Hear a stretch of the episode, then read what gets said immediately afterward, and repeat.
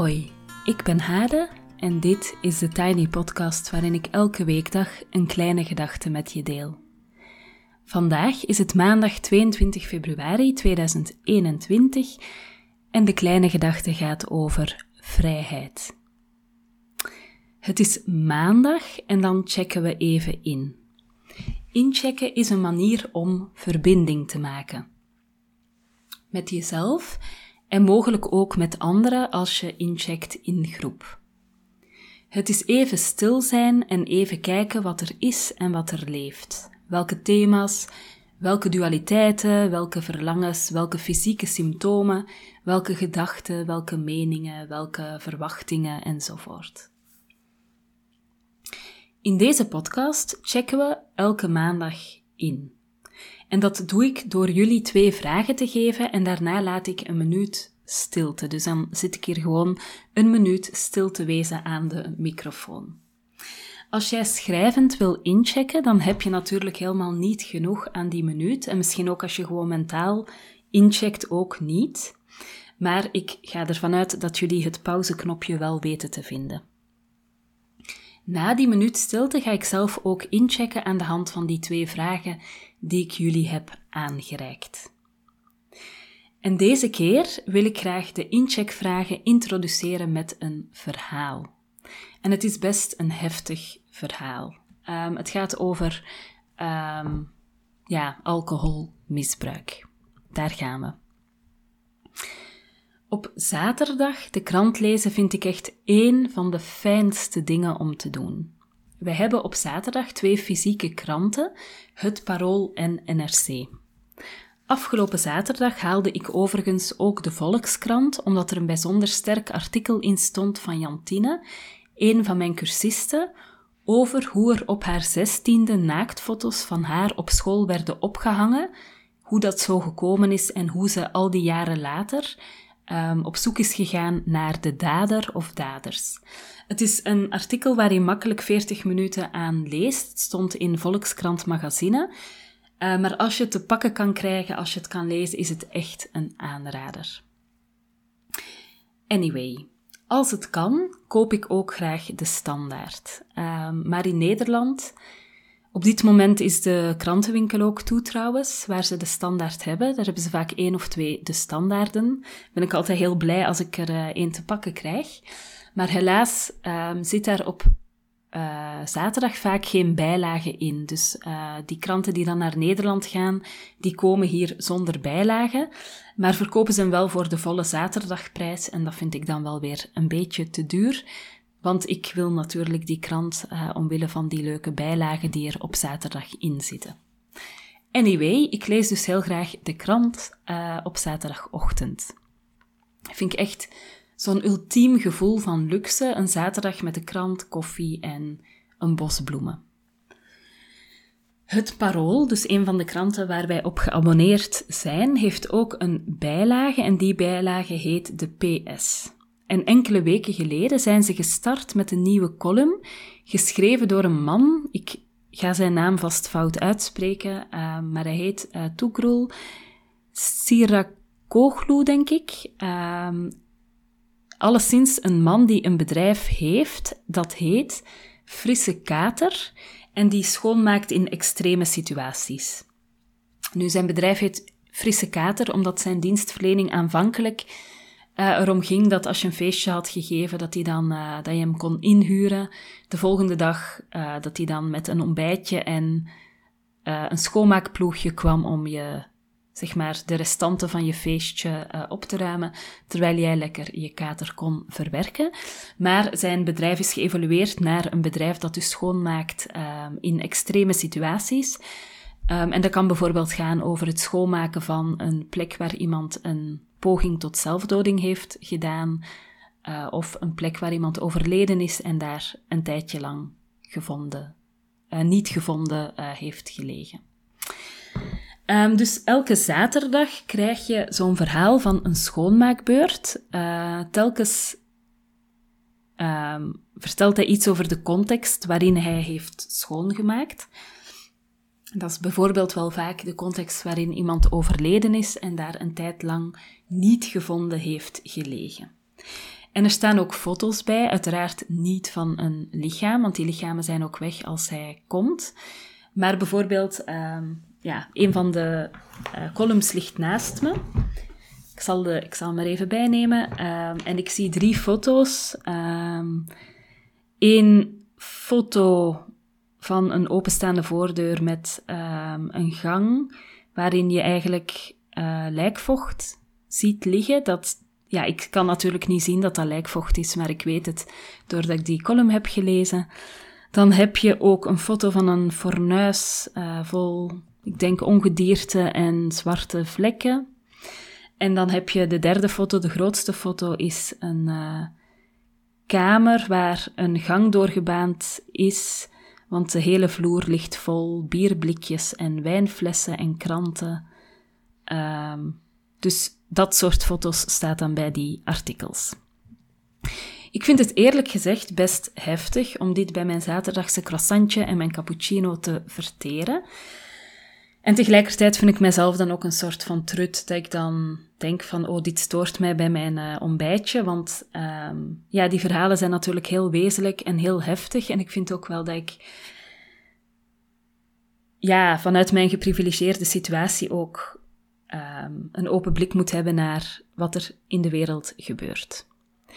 Die verhalen raken me dus altijd heel erg en in de PS van 23 januari vertelt hij over een schoonmaakactie in dus een appartement waarin iemand overleden is. Uh, de dode is voor de deur gevonden.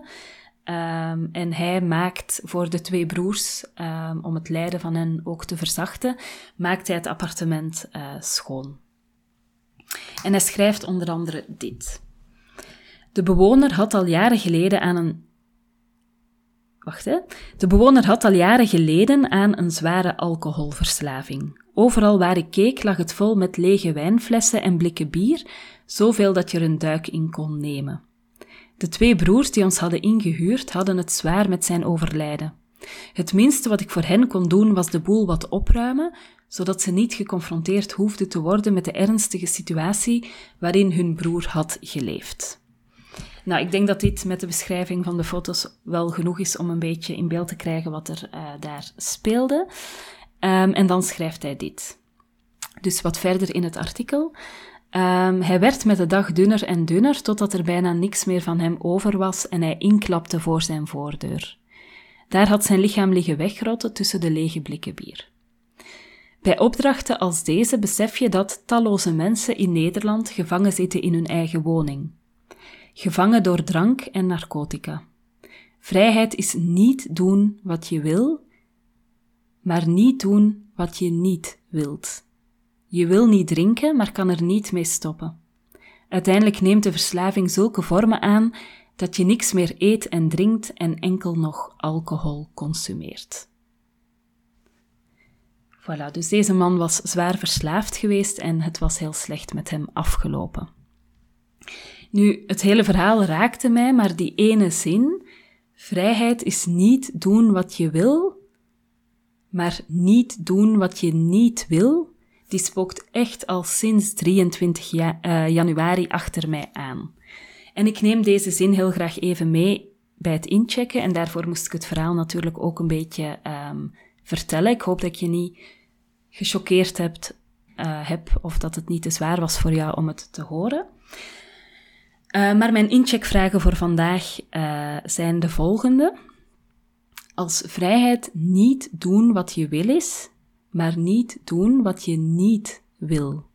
Hoe kijk jij dan naar jouw vrijheid en hoe vrij ben jij? En met de tweede vraag maken we even de stap naar wat lichtheid. Waar kijk jij naar uit in de week die nu voor je ligt? Ik ga een volledige minuut zwijgen en jou de kans geven om even in te checken.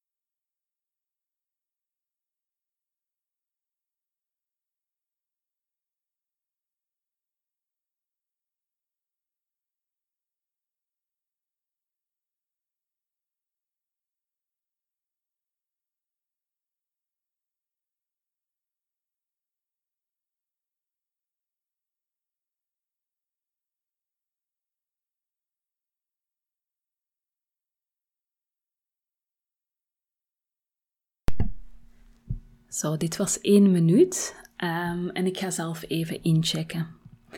Ik blijf het heel confronterend vinden. Vrijheid is niet doen wat je wil, maar niet doen wat je niet wil. En ik denk dat ik het waarschijnlijk confronterend vind omdat het zulke schrijnende situaties, zoals ik net beschreef, die heel ver van ons af lijken te staan, dat het dat heel dichtbij brengt. Uh, je moet maar net de pech hebben dat je gevoelig bent voor bijvoorbeeld alcohol. Uh, en dan, ja, dan denk ik dat je met om het even welke achtergrond, opleiding, sociaal netwerk, whatever, uiteindelijk in zo'n situatie zou kunnen terechtkomen. Um, ik ben gelukkig niet heel erg verslavingsgevoelig. Um, ik heb wel eens een sigaret opgestoken als puber, maar ik vond dat vies. Uh, toen ik op kot zat of op kamers was, zoals, zoals ze in Nederland zeggen, rookten we sigaren en daar is ergens ook nog een leuke foto van. Van mij met mijn vrouwelijke kotgenotes met allemaal een sigaartje na de wekelijkse maaltijd samen. Er was een tijd dat ik, in de lijn met wat ik dus thuis normaal heb gevonden, uh, bij elke maaltijd een glas wijn dronk. Uh, ik denk dat ik vanaf mijn veertiende al... Uh, we hadden ook mooie wijnglazen. we kochten thuis... Mijn vader kocht goede wijn, nog steeds trouwens.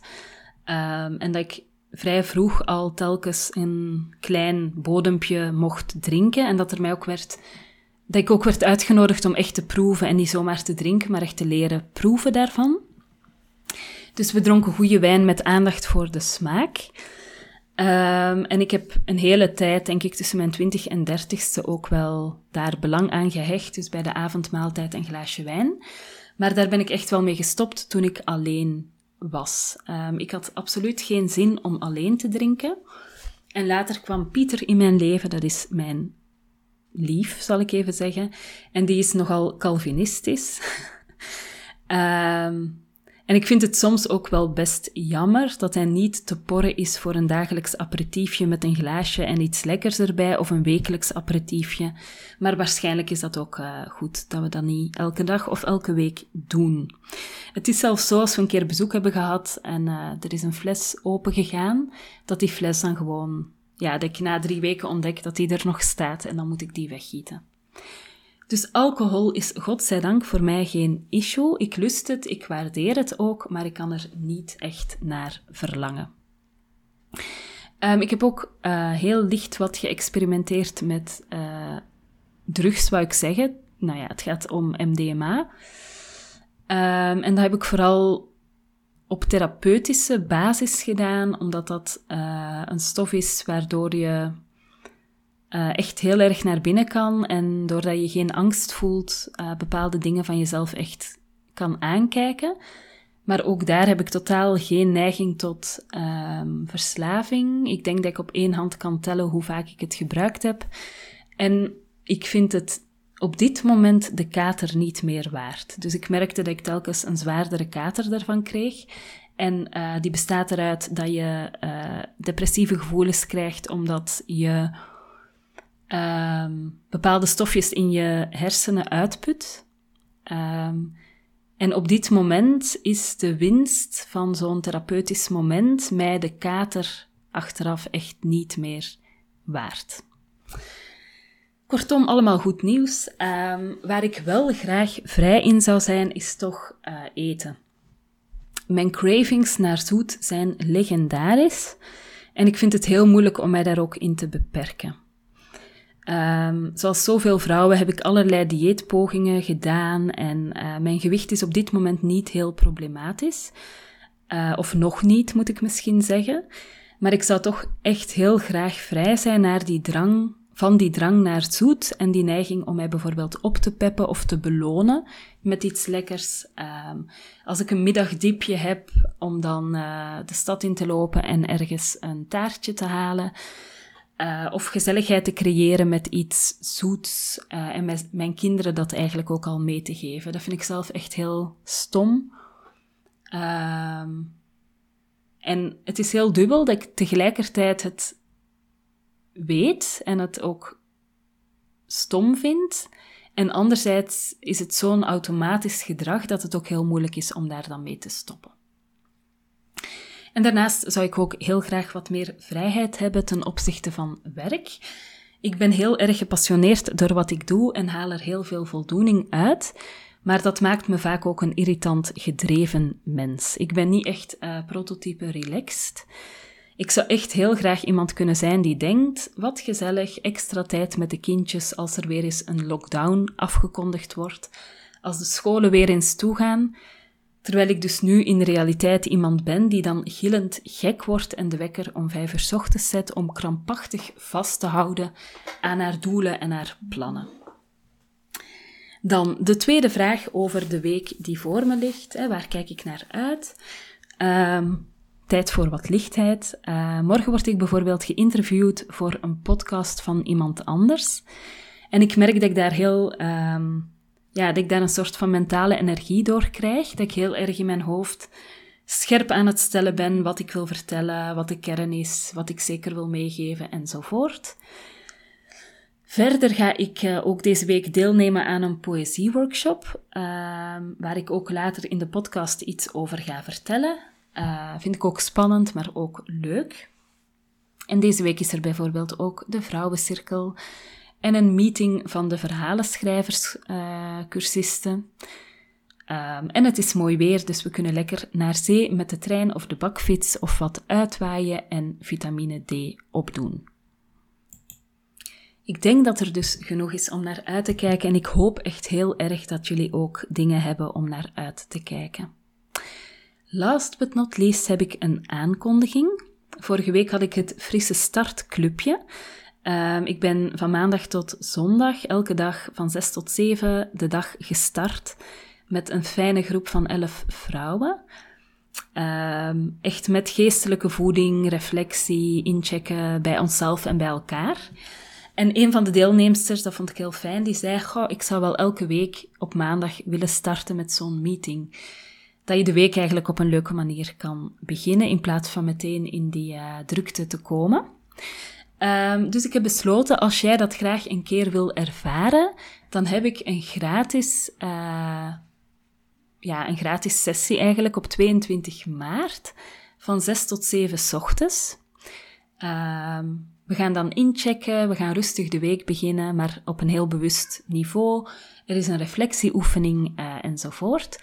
En je kan je gratis via de link in bio inschrijven. En dan kijk ik er heel erg naar uit die ochtend met jou wakker te worden. En in die sessie uh, geef ik je dan ook de kans om in de groep te komen die dat wekelijks gaat doen. Um, een groep die uiteraard um, een beperkt aantal deelnemers heeft, want het is wel belangrijk dat er binnen dat uurtje ruimte is voor de mensen die er zijn om uh, het woord te kunnen nemen. Dus dat kan geen heel grote groep worden. Tot zover voor vandaag. Je kan me volgen op Instagram, TheTinyPodcast. Als je je abonneert via bijvoorbeeld Google of Apple Podcast, in Spotify of in je favoriete podcast-app, krijg je telkens de nieuwste aflevering van deze podcast in je overzicht. En dat is elke weekdag. En als je de podcast doorstuurt naar iemand die er ook graag naar luistert, of hem deelt op social media, dan help je de podcast groeien en dat vind ik echt ontzettend fijn. Ik wens jullie een heel mooie dag en heel veel goeds. En morgen is er een podcast uh, die gaat over het geheim van de vrouwencirkel.